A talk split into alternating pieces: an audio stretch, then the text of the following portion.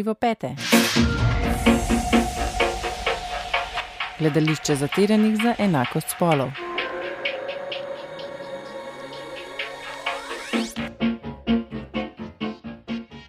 Kapitalizem se uspešno reproducira samo zato, ker je telo svetovnega delavstva prepredel z mrežo neenakosti in ker je zmožen globalizirati izkoriščanje.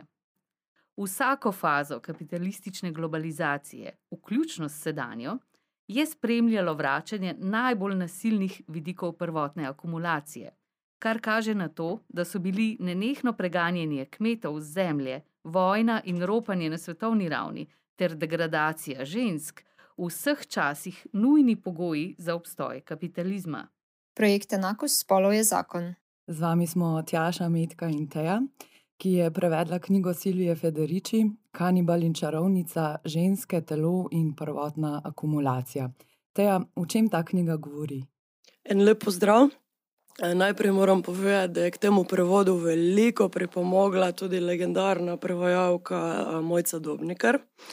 Um, in o tej knjigi pa na kratko lahko rečem, da je izšla pred 20 leti in da se je postopoma nekako pridobila status v bistvu ene temeljnih, pravzaprav feminističnih reinterpretacij dveh, tako rekoč kanoniziranih mislecev.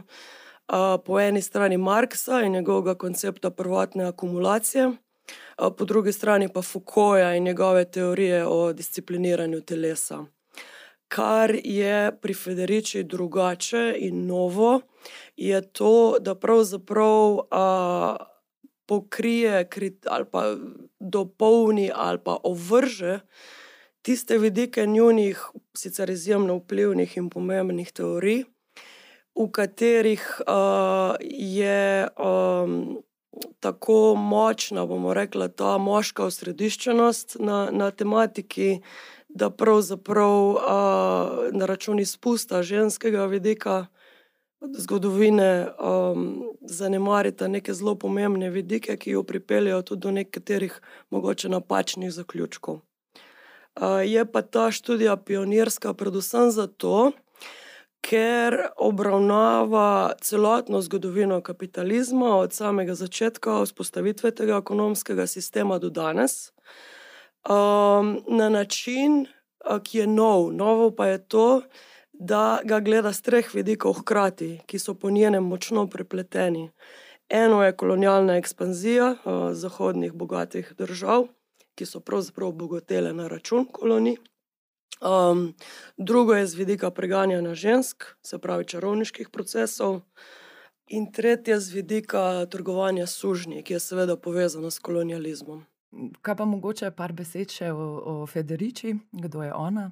Silvija Federici je um, feministična aktivistka, uh, tudi akademičarka, danes že upokojena, tudi predavateljica na več fakultetah, uh, ki je verjetno najbolj znana zato, ker je skupaj z številnimi drugimi marksističnimi feministkami oziroma avtonomistkami, italijanskimi tudi, no, v sedemdesetih ustanovila skupino, ki je pol kar v gibanje prerasla, Wages for housework, a, kar se prevaja bodisi kot a, mezde za gospodinjsko delo ali pa plača za gospodinjsko delo. In to gibanje je bilo revolucionarno zato, ker je a, opozarjalo na dejstvo, da je velika večina opravil, ki veljajo tradicionalno za žensko delo, a, celo delo iz ljubezni, se pravi skrbstveno delo, čustveno delo, gospodinjsko delo, a, neplačanih, ne. A, in, in to a, plačilo so poudarjale ravno zato, da bi ljudje na splošno, same ženske in seveda tudi moški, sploh prepoznali te dejavnosti kot delo, ne. Nikoli niso trdile, da je treba dejansko, ne, finančno ovrednotiti, mislim, to delo, oziroma to je bila neka oddaljena utopija in se bojim, da je tako še danes. Uh, ampak, uh, poudarek je bil na tem, da bi se vsaj ugledala paralela s plačanim delom, ne. In da bi se vsaj, uh, na neki, uh, uh, na ravni pač vrednotenja onkraj denarja to prepoznalo kot delo. kot, kot neogiben, nujen, bistven prispevek k temu, da družba sploh funkcionira. Tukaj govorimo od rojevanja otrok do skrbi za otroke, partnerje, ostarele, člane družin, prijatelje, do vzdrževanja čustvenih veži, vezi znotraj skupnosti, čustvene podpore med ženskami, vse to, kar pravzaprav nas povezuje kot družbo, kar ustvarja družbo. Mhm, še ena stvar se mi zdi zelo pomembna, um, da jo izvemo, preden nadaljujemo. Kaj pa pomeni sploh prvotna akumulacija? Prvotna akumulacija je Marksov koncept uh, iz prve knjige Kapitala, uh, njegove knjige, res kanonizirane, kanonične. In uh, po domače rečeno, lahko rečemo, da je to velika pljačka. Se pravi, veliko, velika privatizacija naravnih bogatstv, predvsem zemljišč, ki je pravzaprav pripomogla tudi do tega, da je po eni strani feudalizem kot sistem zamrl. Uh, in da, se je, uh, da so se tlačani, nekdani, ki so vendarle znotraj feudalnega sistema imeli neko skupnino, se pravi, skupno zemljo, čeprav je bilo to najslabša obdelovalna zemlja, ki jo je zemljiški gospod prepustil, ne, ker, ker se ni imel nič od nje. Ampak vseeno, imeli so to skupno lastnino, gozdove, ribnike, ki so jim omogočali preživeti v teh zelo težkih razmerah. S privatizacijo zemljišč in še drugimi usporednimi procesi, pa so postali povsem odvisni od ponovem delodajalcev, se pravi, z vzpostavitvijo nekih manufaktur, ki so delovcem nudile delo za plačilo, to pa je bilo tudi vse. Medtem ko v feudalnem sistemu je vendar bil feudalcu vezan nuditi tudi bivališče in neke druge pogoje za, za, za bivanje, čeprav so bili do konca izkoriščevalski. Tako da prvotna akumulacija je pač koncept, ki, ki, ki na kratko povzame vse te več procesov, ampak predvsem procese pozasebljanja tega, kar je bilo nekoč skupno, oziroma skupnostno, ne, commons, tisti angliški izraz, ki ga to gotovo poznamo. In zdaj pri Federici je novo to, da pravi, da se je Marx žal globoko motil, ker je, kot že sama beseda pove, ne, prvotna akumulacija menil, da je to edinstven proces v zgodovini, da se je to zgodilo samo na začetku kapitalizma, zato da je kapitalizem kot sistem sploh lahko zalaufal, je rabo surovine. Ne. Da je lahko zalaufal. In te so bile, seveda, v glavnem iz ne, iz kolonij, uh, ki so se jih pač podredili ne, z, z mečem krvavo podredili. Um, in seveda z, z brezplačno delovno silo, sužni. Uh, ampak uh, Silvija Federici naredi to res longitudinalno študijo, ki traja, ki za objame 500 let zgodovine, svetovne, in pokaže, da je to v bistvu neobhodni, uh, nujni, stalni proces akumulacije, in da seveda, ko eh, ko zmanjka surovin v eni državi, jih je treba najti v drugi. A, zdaj, v modernejšem izrazu se temu reče tudi strukturno prilagajanje. In te procese sta tako po letu 90-91 v bivših socialističnih državah, kot danes, po, še zmeraj po afriških državah in, in drugje, furala predvsem mednarodni denarni sklad in pa Svetovna banka. Zdaj, sama beseda akumulacija, meni, meni je ta, to povzročalo težave, ker v bistvu to, to pomeni kot neko nabiranje, zbiranje, prilaščanje, Tako, ja. dejansko kopičenje Tako, nekih ja. dobrin, to, kar si že naštevala. Ja, ja, to je to. Ja, super, hvala za ta super uvod, eh, da smo zdaj izvedeli, o, o čem sploh govorimo. Eh, pa bi nadaljevali z nekaj miti, oziroma z nekaj vsebinami, jih, recimo, o katerih smo se učili v, v šolah, pri zgodovini ali pa tudi pri kakšnih drugih predmetih. Um, pa uh, jih uh, Silvija Federici malo drugače uh, napiše, zapiše, oziroma o njih uh, govori. Uh, pa nas povabimo vse tri k eni diskusiji, taki, o, te, zdaj, o teh mitih. Ne? Te tri smo izpostavili s Tjašo. Uh, prvi mit. Lov na čarovnice se je dogajal v mračnem srednjem veku, poudarek na mračnem. Kaj si mislimo o tem, oziroma kaj Federici povejo o tem. Ja, mene je to tudi uh, eden izmed najbolj takih podatkov, kaj je ostal z mano. Ne? Da res smo ponotranjali to, da je renesansa bila tist, tisto obdobje, ko smo uh, se spremenili evolucijsko, v bolj civilizirane in tako naprej. Ampak zdaj pa v bistvu ugotavljam, da se je ravno takrat ta lovna čarovnica dogajala najbolj intenzivno, seveda skozi knjigo ne? Silvije. Um, Ja, in to tudi niso bili tako zelo spontani, to so bili zelo natančno, ne, um, skoordinirani politični procesi, in vsega tega se sploh nismo učili takrat, tako da to zelo ostaja z mano. To ni bil ta srednji vek tisti, ki je povzročil toliko nasilja. No, najbrž tudi ne, ampak to nasilje, o katerem zdaj govorimo, spada že takrat, ko naj bi to bilo del preteklosti. Ja, zdaj, uh, jaz, če rečem, da je, sem si skozi mislila, da je ta mračni srednji vek in lov na čarovnice, ne, da se to dogaja tam 11., 12., mogoče 13. stoletje. Ampak uh, v Federici napiše, da so, na, da so bili najbolj intenzivni ti procesi lova na čarovnice v 16. in 17. stoletju, da je takrat največ procesov se dogajalo.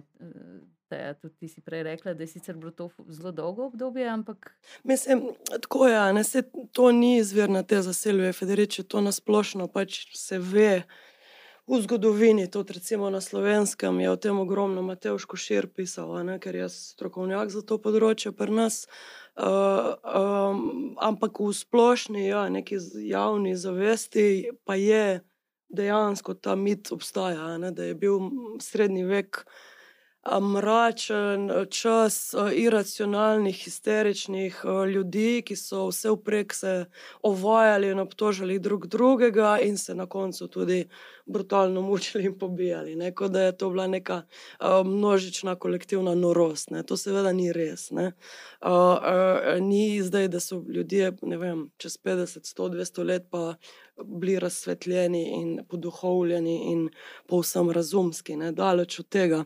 To je pač ta dihotomija temno-svetlo, razsvetljeni, temni. To, to je hudo poenostavljanje. Čarovniški procesi so se res začeli v 12. stoletju, a v ta namen pobudnik je bila katoli, rimsko-katoliška crkva, ki je v ta namen ustanovila inkvizicijska sodišča. To so bila posebna sodišča, na katerih je v bistvu veljalo kot priznanje, priznanje siljeno z mučenjem. Ne? Prej tega ni bilo. Ne?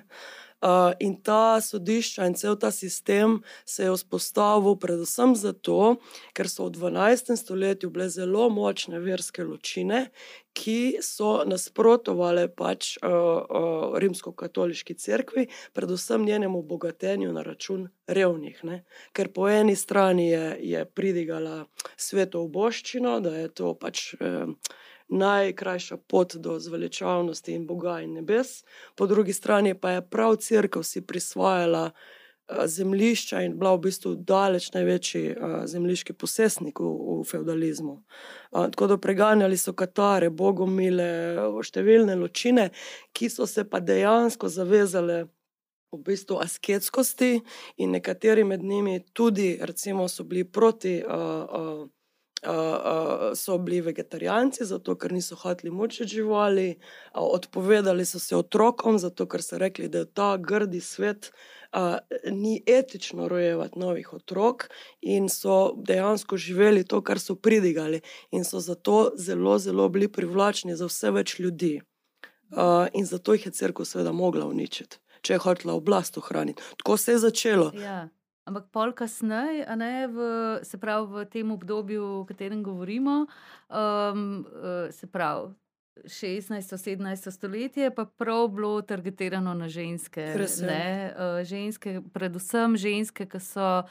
Eh, znale recimo svetovati drugim ženskam o tem, kako, eh, kako eh, recimo lahko prekinejo nosečnost, naprimer, ali pa kako se lahko izognejo temu, izognejo nosečnosti. Ne? To je pa prav tako, kot v bistvu so preganjali zdravilke. Ne? Se pravi, ne ja. samo ženske, ki so imele to znanje o preprečevanju nosečnosti in tako naprej. Mm Uh, ampak tudi ženske, ki so zato, ker so dejansko pač bile zeliščarke, neke ljudske zdravilke, imele veliko moč in zaupanje v vlastnih skupnostih, ker so v bistvu nudile pomoč ljudem. Ne?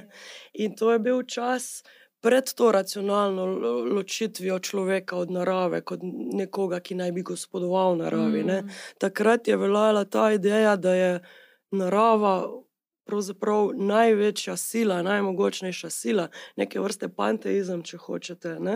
In, in treba je bilo predvsem spodkopati to uh, zaupanje v, v moč narave, zato da bi ljudje bolj zaupali moči oblasti. Ne? Zato je šlo. Tako da v tem kontekstu, pa ja, sigurno je bila en segment uh, uh, preganjanja, posebej v tem obdobju, ki si ga omenila, striktno naperjen tudi, tudi proti v bistvu nadzorovanju rojstev. Zakaj? Zato, ker se je zgodila uh, kuga, ki je pokosila. Ogromno evropskega prebivalstva, primankovalo je delovne sile, uh, uh, rabili so dodatno delovno silo, in treba se je bilo razmnoževati. In, uh, in če so hoteli doseči to, da bi ljudje imeli več otrok, kot jih pravzaprav lahko preživijo, je bilo treba uničiti to znanje. Uh -huh, uh -huh. Ok, pa gremo na naslednji mit, uh, drugi v nizu treh in sicer. Kapitalizem je ženskam prinesel osvoboditev. Kaj porečemo na to? A se počutimo zelo svobodne? um, ja, ta kapitalizem se mi zdi, da se tudi zelo uh, opisuje tako, kot da je to bila neka, tako kot sem prej rekla, evolucija, uh, napredek, korak naprej k temu, da smo bolj človeški in tako naprej, razumne. Uh, Um, ampak v resnici ni čisto, če zdaj preberem, kaj je Federici napisala.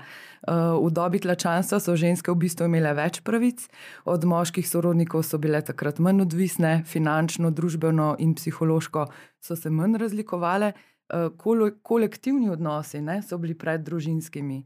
Um, in ja, takrat so tudi izgubile to pravico do lastnega dohodka, tako da se mi ne zdi, da bi šli v bolj pravičen da, da bi to bil napredek. Kaj se vam zdi? Mislim, to je bil meni pravzaprav en največjih šokov v, v tej knjigi, v resnici, uh, ker recimo uh, so ženske izgubile pravico do tega, uh, da bi imele svojo obrt, recimo, ali pa ne. Um, in, in tudi uh, takrat ne, so uh, bili, bile pa tudi one uh, na nek način zakonsko opredeljene kot na nek način uh, lastnina, recimo moških, svojih mož ali pa drugih družinskih članov, recimo zato, da je ženska lahko karkoli, pravzaprav karkoli naredila, je moral dati uh, dovoljenje torej eno teh moških družinskih članov. Tudi recimo dedovanja ne, uh, so bila zgolj po moških uh, po, potomcih. Uh, in tako naprej. No? Ne vem, ta, ja, mogoče ti lahko to malo bolj zdaj postaviš v en okvir, uh, Um, kdaj se je to dogajalo, zdaj, eh, da je ta zakonodaja bila v bistvu postavljena? Mislim, mogoče treba začeti malo prej. Treba je vedeti, da feudalizem ni kar samo od sebe razpadel. Eh, v srednjem veku so se hudi, hudi tlačanski upori dogajali, tudi pri nas, malo kasneje. Ne? Se pravi, ljudje so se množično upirali. Seveda, hoteli nekaj drugega. Ne? Hoteli so nekaj drugega, verjetno ne kapitalizma, ne? ampak, uh, ampak hoteli so osvoboditev od teh spon tlačanstva, kot se reče, ne? ker to je bilo na nek način na pol sužensko razmerje. Um, in, uh, oziroma razmerje velike odvisnosti. No? Tako, um, in uh, in uh, kapitalizem je prinesel neke vrste osvoboditev, samo ne tlačanom, ne revnim ljudem, pač, ne, uh, ker, ker potisnil jih je še v globjo revščino zaradi te razlastitve zemlje, ne, zaradi privatizacije. Um, tako da v bistvu. Osvobodil je kapital, v resnici, ne? kar pomeni, da uh, uh, zemlja je zdaj postala vir za izkoriščanje in dodatno kopičenje bogatstva, kapitala. Uh, Medtem, kar lahko rečeš, pol, da je osvobodilo, kot rečemo, zemljiške posestnike, ki so že itak bili na boljšem. Ne? uh, medtem ko tlačane je pa potisnilo še v globjo odvisnost. Ne? In, uh, in, in fora je v tem, da pač prej so bili vendarle stalno tam nastanjeni, tudi ko ni bilo, recimo, uh, sezone za žetev ali pa tako naprej. Ne? Tudi po zimi, ne? ko ni bilo kmečkih upravil, ki je dosti. Medtem ko, ko, ko v kapitalističnem sistemu pač so delavce na koncu sezone uh, poslali stran ne? in uh, so bili brez dohodkov. Ne? Um, tako nekako. Zdaj, ne tako, je pa tu treba reči, če se obrnemo v današnji čas. Ne, kapitalizem je številne ženske osvobodil od ne, teh uh, duhamornih vsakodnevnih upravil, kot je gospodinsko in skrbstveno delo v veliki meri. Samo treba se vprašati, katere ženske in na čigav račun. Da odgovorim na to retorično vprašanje, premožnejše ženske na račun manj premožnih, ponavadi rasiziranih žensk vse je pri nas, poglejmo, ne, uh, kdo, kdo čisti po domovih drugih, kdo skrbi za otroke drugih. Ne. Ponovadi so to priseljenke ali pa starejše ženske, ki so jih odpustili tik pred uh, penzijo in zdaj pač probajo preživeti, kot vejo in znajo. Se pravi, najbolj deprivilegirane skupine žensk. Um, pri Federici, ne, če se vrnemo k knjigi, uh, je mogoče zapoudariti še to, da uh, medtem ko je Marx verjel, ne, da dejansko kapitalizem je neka prehodna faza iz feudalizma v socializem in da na nek način tlakuje pot k osvoboditvi, da bo ta njegovo nasilje na neki točki prešlo in da bojo neki eh, neutralni, človeku prijazni ekonomski zakoni urejali naše življenje. Ne.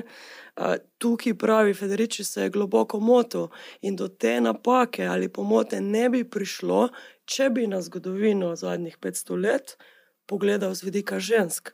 Ker pravi, znova in znova se pokaže, tudi kadar so moški, kot recimo že mezni delavci, se pravi, ne več kot lačani, ne, v novem sistemu pridobili neke. Izboljšave, pravice, si olajšali življenje, so bile ženske v primerjavi z njimi vedno na slabšem vedno. Ker so te pravice dobili na račun Tako, žensk. Izrinjanja njih iz uh, trga ne? in v področje pač neplačanega, skrbstvenega in tako naprej dela, oziroma po marksistično rečeno, dnevne in pa generacijske reprodukcije delovne sile. Ok, uh, zdaj jaz.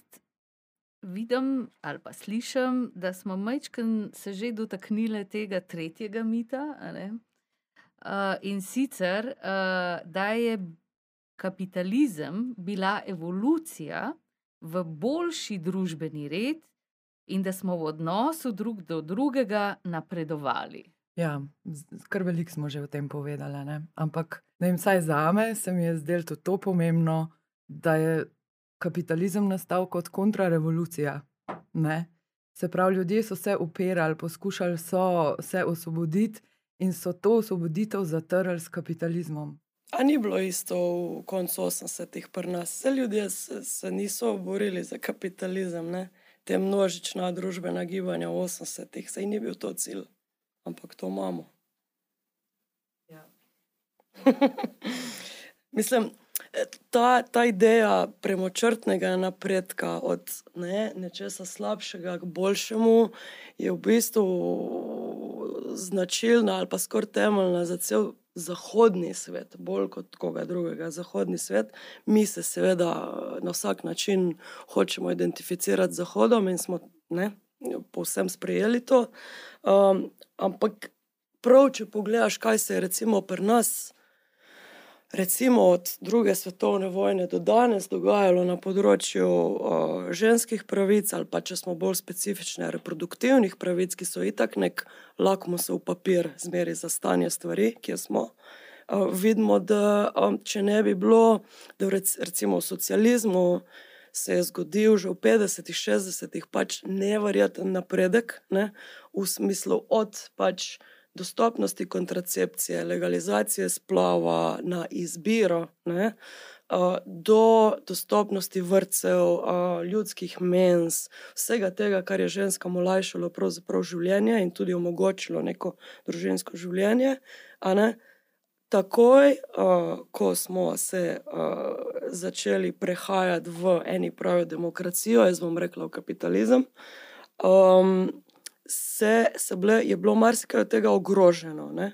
In če recimo leta, konc leta 90, pa začetek leta 91, ne bi bilo zelo množičnega upora, danes vprašanje, če bi imeli pravico še do umetne prekinitve nosečnosti. Zato, ker v bistvu je bilo zelo velika težnja med ne, katoliško in drugače desno, nacionalistično usmerjenimi politiki, da v bistvu ta pravica do svobodnega odločanja o rojevanju otrok, ki je danes v 55. členu ustave, ne bi bila v ustavi, ampak pač v nekem zakonu, ne, ki ga je lahko vsaka vlada zamenja, če ga hoče. Tako da že ta primer kaže, ne, da, da ne gre računati na to, da nekaj, kar je že bilo urejeno, bomo rekli človeku. Vsakemu človeku, tudi ženskam, prijazno, da je to za večno. Ne. Pravice so zmeraj znova lahko izginejo, ukinejo in se jih je treba na novo izboriti. Ob vsaki krizi, ob vsaki tranziciji, kot vidimo, ne, je treba v bistvu na novo uh, obraniti uh, pravice ali pa si jih na novo zboriti.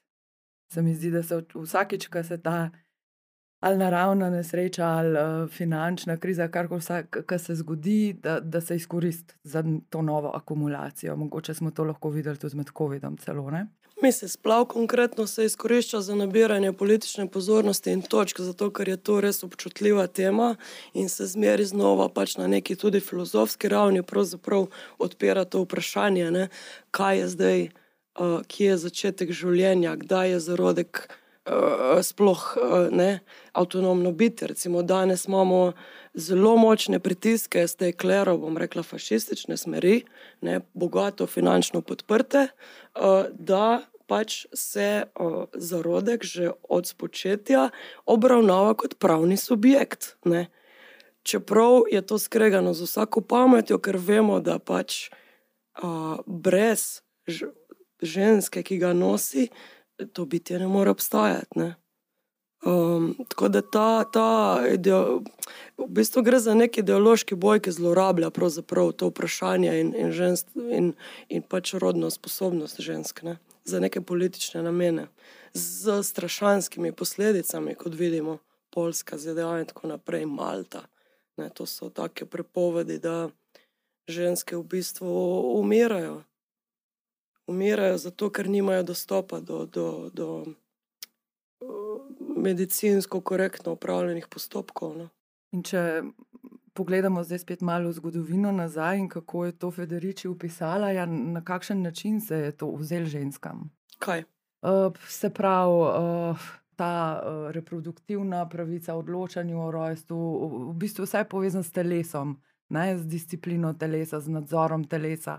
Um, ali pa bom celo evo citirala od Federici en uh, citat. Prehod v kapitalizem je zahteval preobrazbo telesa v delovni stroj in podjarmljanje žensk za reprodukcijo delovne sile, pri čemer so hierarhije na podlagi spola, barve kože in starost postale temelj za prevlado in uničenje njihove moči. In um, ja, kako, kar velik stvari se je zgodilo ja, zgodovinsko, ja. da smo prišli do te. Mislim, tukaj je bila sigurno zelo pomembna pač to, da so izgubile pravico do plačanega dela. Ne.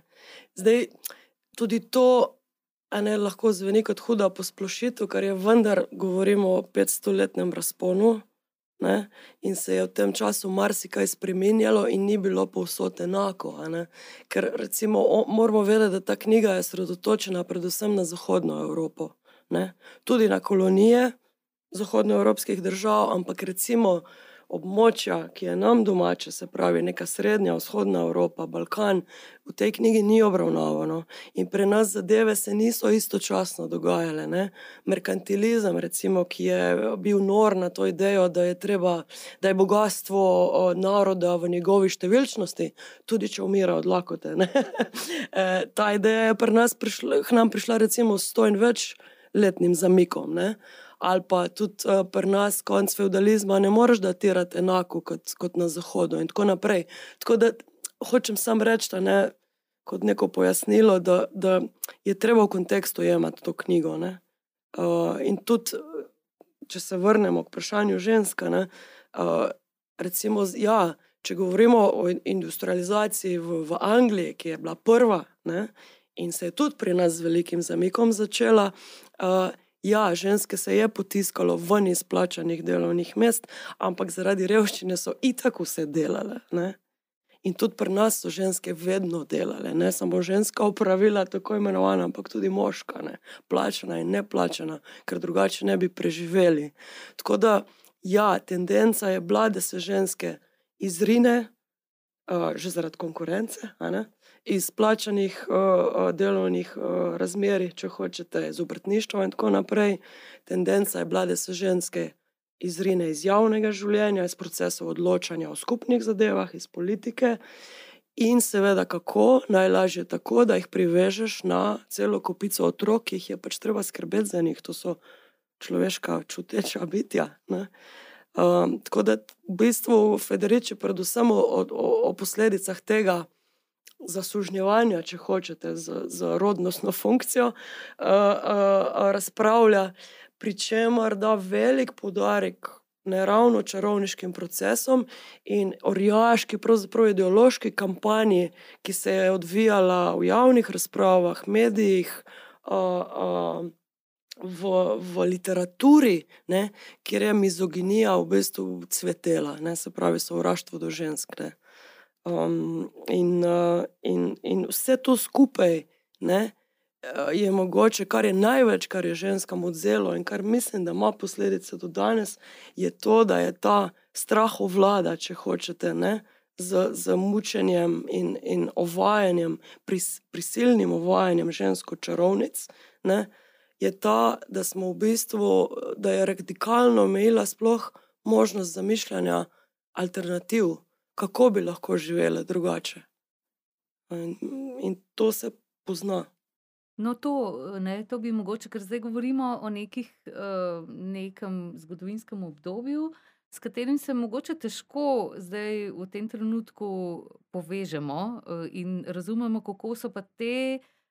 Kako je ta položaj žensk, oziroma to oduzemanje pravic, izrinjanje iz javnega življenja, vse to, kar si omenila, kako, to, kako, to, kako to vpliva na življenja sodobnih žensk, se pravi nas, zdaj, tukaj in zdaj, kje vidimo, zaznamo ali pa čutimo posledice tega zdaj. Uh, ker doskrat pač jaz ne pridem v situacijo, ki mi kdo reče, se, zakaj pa zdaj ti praviš, da, da, nismo, da niste ženske enakopravne, se lahko počnete, kar hočete. Tukaj v Sloveniji pa res ne. ne. Uh, ampak, uh, ne, če pogledamo globje, so posledice tega uh, tudi v, življenju sodobnih žensk, ali ne, ali zakaj je pomembno. So posledice. To... So posledice. Mislim, to mogoče lažje na neki, bolj, neki sociološki termo, terminologiji ja. pojasniti. No? Ampak mogoče tako bo bolj slikovito, če tako povem. Recimo, preden se je začelo to množično preganjanje čarovnic. Ne, uh, če pogledamo, recimo, literaturo, ne, kako so se ženske v literaturi, kot nečem, kar nam je še danes dostopno, pač prikazovale. To so bile neustrašne, pohodne uh, ženske, ki se jih je bilo treba bati, bile so prefrigane, držale so skupaj, z njimi se ni bilo zahecati. To je bila podoba ženske. Um, in to upodabljanje žensk kot pasivnih, aseksualnih, moralno superiornih biti moškim, neki morajo zdaj uh, sebe brzdati, zato ker moški se kao ne morajo, ne, svojih uh, gonov. Ne. Uh, ta podoba ženske se je lahko uveljavila šele po tem 200 in ponekod 300 letnem ustrahovanju. Torej, Šarovniškimi ja. procesi. Ja kar je definiralo, se pravi, pomen tega, kaj je ženskost, ne? ta, kot jo danes poznamo, ta podoba ženskosti, kot jo danes poznamo, pasivne, tihe, podredljive itd., se je oblikovala lahko šele po tem zatrtju, pravzaprav domišljije, če hočete, ne? in praktične moči žensk. Ne? Uh, in to poznamo še danes, in isto ta ideal družinskega življenja, pač to je nekaj, kar ni uh, univerzalna ideja, to se je pojavilo v določenem trenutku. Kar je dobra novica pri vsem tem, je, da če so stvari zgodovinske, neahistorične, neuniverzalne, pomeni, da lahko tudi propadejo in jih zamenja kaj boljšega. Mm. Okay. To je res dobra novica. to, to, ja, da ne zaključimo, da ne gremo v koncu z neko slabo. Uh, slabim občutkom, ne, da v prihodnosti ne moremo več narediti. Uh, o tem bi v resnici lahko debatirali tako brez floskole, a ne skoraj v neskončnost, ker je ogromen, ogromen detajlov in podatkov še v knjigi, kako je do tega prišlo, ampak prišel je čas za eno modro. Uh, to je rubrika, v kateri komentiramo seksizme, šovinizme in podobne izme, ki se nam dogajajo tukaj in zdaj.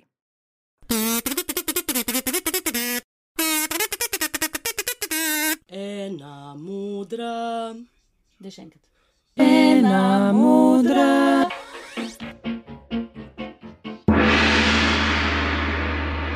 Za tokratno eno modro smo izbrali komentar Mitje Iršiča na pobudo treh koalicijskih eh, poslank, naj vlada preuči ukrepe, eh, torej uk- ukrep uvedbe menstrualne odsotnosti brez potrebe po zdravniškem eh, potrdilu.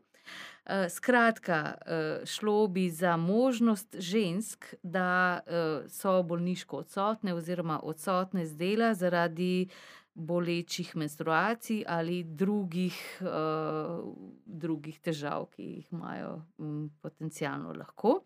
Uh, in kaj je zapisal Mitja Iršič na svojem uh, tweet profilu, ki ima, uh, by the way, 8000 in nekaj sledilcev, torej je ta tweet lahko uh, videlo in prebralo kar nekaj ljudi. Napisal je sledeče: Takšne bedarije pa še ne. Seveda bi se po stari slovenski šegi to hitro začelo izkoriščati za tedenske dopuste. Uh, torej, ja, ne, on smatra to, da bi bilo to kot nek dopust. Uh, in potem še uh, češnica na vrhu smetane v tem komentarju. Tile se res trudijo, da bi gospodarstvo čim prej in čim bolj učinkovito spravili na kolena. Mogoče da damo okvir tega, ti si prej, ko smo se pelale na tole snemanje, malo pogledala, kdo je. Pogooglala, kdo to je. Mitja Iršič. Ja, zanimalo me, kdo je ta vplivna osebnost. Internet pravi, da je to človek, ki je diplomiral na Mariborski uh, univerzi iz prava.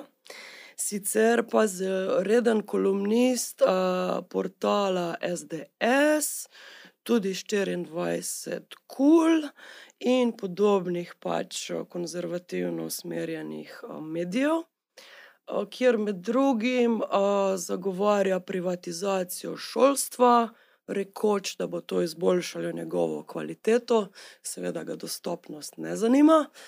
Um, več pa niti nisem izvedela v tej urci. No, ne, zdaj, mislim, kar, kar je prva, prva stvar, ki bi jo jaz, recimo, želela pri tem komentarju komentirati, je to ne, o tedenskih dopustih. Zdaj, pol svetovnega prebivalstva, torej ne, nekako je žensk.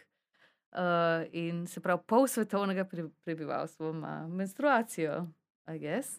Uh, in zdaj, uh, a, mislim, jaz ne vem, kako zdaj si predstavljati, da bi bila odsotnost od, uh, zaradi menstruacije tedenski dopust. To je tako. To je tako zelo, ne, uh, zelo, zelo zlorabljeno. Banalizacija ja. pač resnega problema posebej za ženske, ki imajo izjemno boleče menstruacije in padajo v nezavest od mm -hmm. teh bolečin na mesečni ravni. Kaj šele ženske end, z endometriozo. Ja. Tako da to je čista banalizacija. Si pa mislim, da je uh, to je uh, zelo težko diagnosticirana bolezen, ko se v narodilih pojavijo ciste, ki začnejo tako rasti in tako pritiskati na druge organe, da to povzroča neizrekljive bolečine, tudi neplodnost lahko. Mislim, da je društvo Endozavest, ki se skuša osveščati o tej bolezni, specifični za ženske. Ugotovilo, zdaj ne me če zdržati za besedo, ampak da je v bistvu povprečno obdobje, koliko traja, da ti sploh diagnosticirajo endometriozo, nekje od 7 do 11 let. se pravi od 7 do 11 let mesečnih norih bolečin. No, pa smo iz te zlorabljene izjave lahko tudi ne obrnili, da morda komu pride prav ta informacija. Premalo vemo o tem, mislim, da se je zdaj, zdaj začel govoriti o tem. Ne? Res No, to bolj- priporočam. Društvo Endozavest nudi res veliko informacij, uh, ker se dejansko jih ni. Ženske pač mislijo, da je to normalno, pa ni normalno, to je bolezen. Mhm, okay. Hvala za to, za to uh, novo informacijo, za me tudi. Jaz nisem tega vedela prej.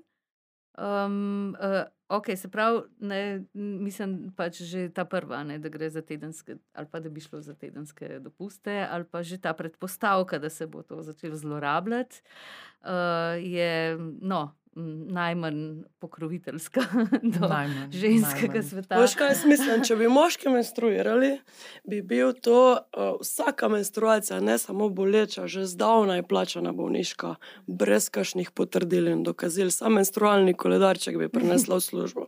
Ja, ali pa še tega mogoče ne. uh, no, pa, pa ta drugi del izjave. Ne? To je pa tudi, uh, mislim, za me zelo zanimivo, zanimiv pogled na, na ta problem, da bi šlo to za tedenske dopuste, da bi se prav s tem gospodarstvo, tako le pravi, čim prej in čim bolj učinko, uč- učinkovito spravili na kolena.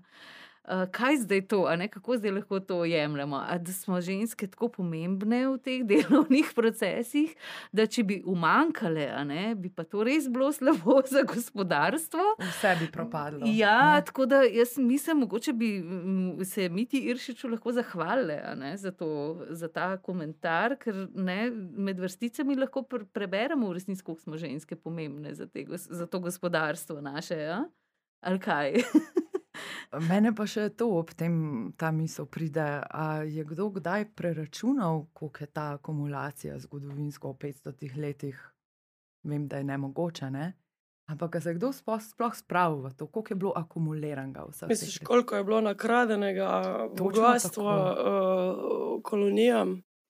Ne samo kolonijam, ampak eh, očitno tudi ne Ja. čarovnicam in Misliš, ostalim ženskam? ženskam na splošno. Ja. Hm, ja. najbrž je, se ne da izračunati. Čeprav, ne, kar se trenutno dogaja, je celo, da se bivše kolonialne sile, ki še danes se kitijo s tem bogatstvom, Belgija, Nizozemska in tako naprej, uh, celo mislim, da se je Belgis, Belgija pred kratkim upravičila Kongo za vse Ja. ja. trpljenje, ki so ga povzročili. Saj to. O reparacijah, ne vem, če je bilo govora, se pravi o odškodninah, ampak verjetno bi prineslo obobožanje Belgije, če bi mogla vrniti vse. Ženskam in koloniziranim. ne. Ja. Šel bi ta denar. Um, ja, ta realnost nas je zdaj odpihnila nazaj in k koncu. Um, Federica je v knjigi napisala tudi, da se nadzor nad reprodukcijo izvaja še danes in kot še nikoli poprej.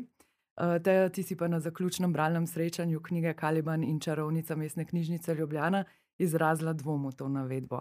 Z zakaj se ti zdi, da, da ni Mislim, tako? zdaj tukaj je treba biti malo bolj specifičen. Uh, Federica ni tukaj pisala, to je ena tako bolj minorna omemba v knjigi. Ona tukaj ne govori o, o rodnostnih politikah, ne, ki so še zmeraj povsod zelo prisotne. Pač naša, bom rekla, ženska r- r- uh, sposobnost rojevanja je regulirana povsod, tudi v najnaprednejših državah je dejstvo, da je regulirana ne, zelo. Uh, dejstvo, recimo, da pri nas ženski ni dovoljena, oziroma je zakonsko celo prepovedana sterilizacija pred pet- 35 letom starosti, že to veliko pove, kje smo. Ne? Tako da se popolnoma strinjam v tem smislu, naše žensko telo je stalno pod nadzorom in disciplinirano na vse mogoče načine. Ne? Ampak v tem odlomku, na katerega ti referiraš, ona govori o reproduktivnih tehnologijah ki so lahko problematične. Zakaj? Prvič zato, ker so bolj in bolj v rokah zasebnega zdravstva, torej cenovno nedostopne, to je sigurno problem. Ne? Za ženske, ki si seveda želijo zanositi, pa ne morejo po drugi poti. Ne? A problematično pri nas je dejstvo, da od leta 2001 oploditev z biomedicinsko pomočjo sploh ni dostopna uh, samskim ženskam ne? in tisti neizrečeni del lezbičnim parom, in tako naprej. Uh, potem uh, problematično je, ali pa saj etično sporno na mnoge načine, je nadomestno materinstvo, ki pri nas sploh ni zakonsko urejeno, zato ker je tako zapletena tema to in se rešuje od primera do primera. Uh, to je ogromno področje. Ne? Federici seveda govori o tem, da, da, da bolj, ko smo pač v rokah nekih tehnoloških postopkov, ki jih sami ne obvladamo in jih drugi izvajajo na nas, se isto velja za nadzor prek mobilnega telefona, ne? bolj smo pač podrejeni v tem smislu. Ampak vendar je treba opozoriti tudi na to, da so reproduktivne tehnologije marsikateri ženski pomagale, olajšale življenje ali izpolnile željo po materinstvu. Samo to, ne, v tem smislu sem podvomila. Mhm. Okay. No, kot si pa že prej rekla, pa nobena od pravic, ki, ki pa so, ne, in ki so, recimo, temu nam normalne, da jih imamo, recimo pravica do splava, na vse zadnje, do sterilizacije, ki tudi po 35 letu ne, je kar postopek, da prideš do nje, uh, uh, ni, uh, ni zagotovljena, ne, da so vedno znova in znova napadi. Da v bistvu v Sloveniji uh, s, uh, imamo še dokaj, uh, dokaj uh, kako ne rečem, visoko raven, ne, tudi uh, dostopnosti preko javnega zdravstva. Ja, ampak kaj se dogaja? Yeah. Uh, kakšna je trenutna? Trenutno dostopnost, recimo ginekologi na primarni ravni. Naprimer, ja, no, ja. Reproduktivno zdravje se začne pač s tem, ne, da, da, mm. Mm. da, da, no. da nekdo ti pomaga težave reševati sproti, uh mhm. -huh. če se pojavijo. No, ampak eh, recimo, vem, jaz eh, bi rada problematizirala vse tudi to, ne, da okay, ne glede na to, da imamo recimo. Pravico do, splo, do splava, dostopno, ne, če imamo srečo, da imamo eh, ginekologa ali ginekologinjo, eh, da nas napoti. Um, še, še vedno je to postopek, pri katerem se prej sprašuje. Se pravi, ne vedno imaš najprej ta svetovalni razgovor. Samo v Ljubljani sem pred kratkim izvedela. V, recimo, v, v novem mestu ne. ga ni. Okay. Za polnoletne. Ne, ne ok v Ljubljani torej je še vedno ne, ta svetovalni razgovor. Uh, mislim, za me je to vprašanje, uh, če se je ženska odločila za splav in ne je napotena na ta svetovalni razgovor, se torej dvomi v njeno sposobnost da razmisli in se odloči v, za neko tako dejanje. Je, ja, mislim, ne, to lahko gledaš, kaj to pomeni. Lahko gledaš na to tako, lahko pa gledaš tudi na to bolj dobrohatno, kot je bilo v resnici to v 60-ih zastavljeno, kot a, a, a, dajanje informacij o tem možnih pač razpletih, ne, a, možnih procedurah, ki so na voljo, možnih razpletih itd. Ne odvisno, kako gledaš na to, ampak se strinjam jaz, sama, ko sem se odločila za prekinitev nosečnosti v svojih ranih 20-ih, me je to šokiralo, da je nekdo preizprašuje mojo odločitev. Ne? In se vmes celo pogovarja po telefonu s svojim sinom.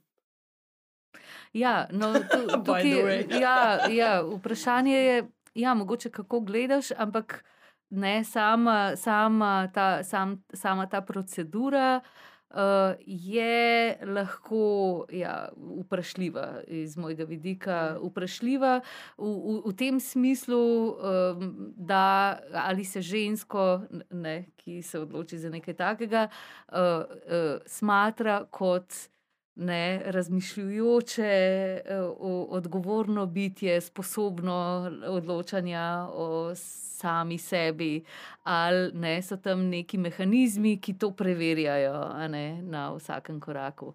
Uh, da... Čeprav, kar je pa res treba pohvaliti pri nas, je to, da se je od samega začetka.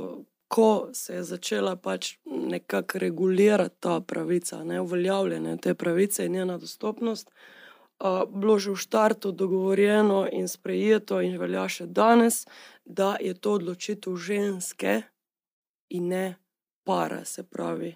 Ne? Ker ta par lahko pomeni marsikaj. Ne? uh, ne nujno sporazumne uh, odnose in uh, srečnimi konci.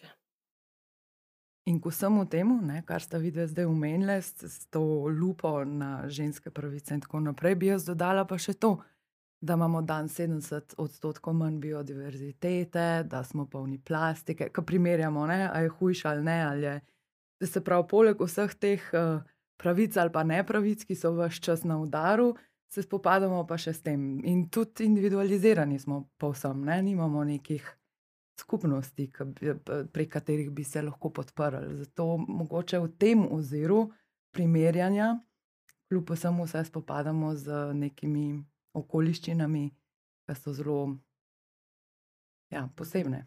Um, velika hvala te, da si nam usmislila evropsko zgodovino v tem pogovoru in tudi sicer s prevodom knjige. Um, uh, Malo tako gledaš, lahko boš pokomentirala, gre za evropsko zgodovino ali ne, ali je svetovno, pomembna. Svetovno. svetovno. Ne, vsekakor priporočam branje, hkrati pa je treba opozoriti, da je to pač ena interpretacija, ne, ki ni nujno edina in sveta in zlata. Obstajajo tudi drugačne, enako legitimne. Uh mhm. -huh. Hvala vsem, ki ste poslušali, predajte to znanje naprej in sledite še drugim podcastom.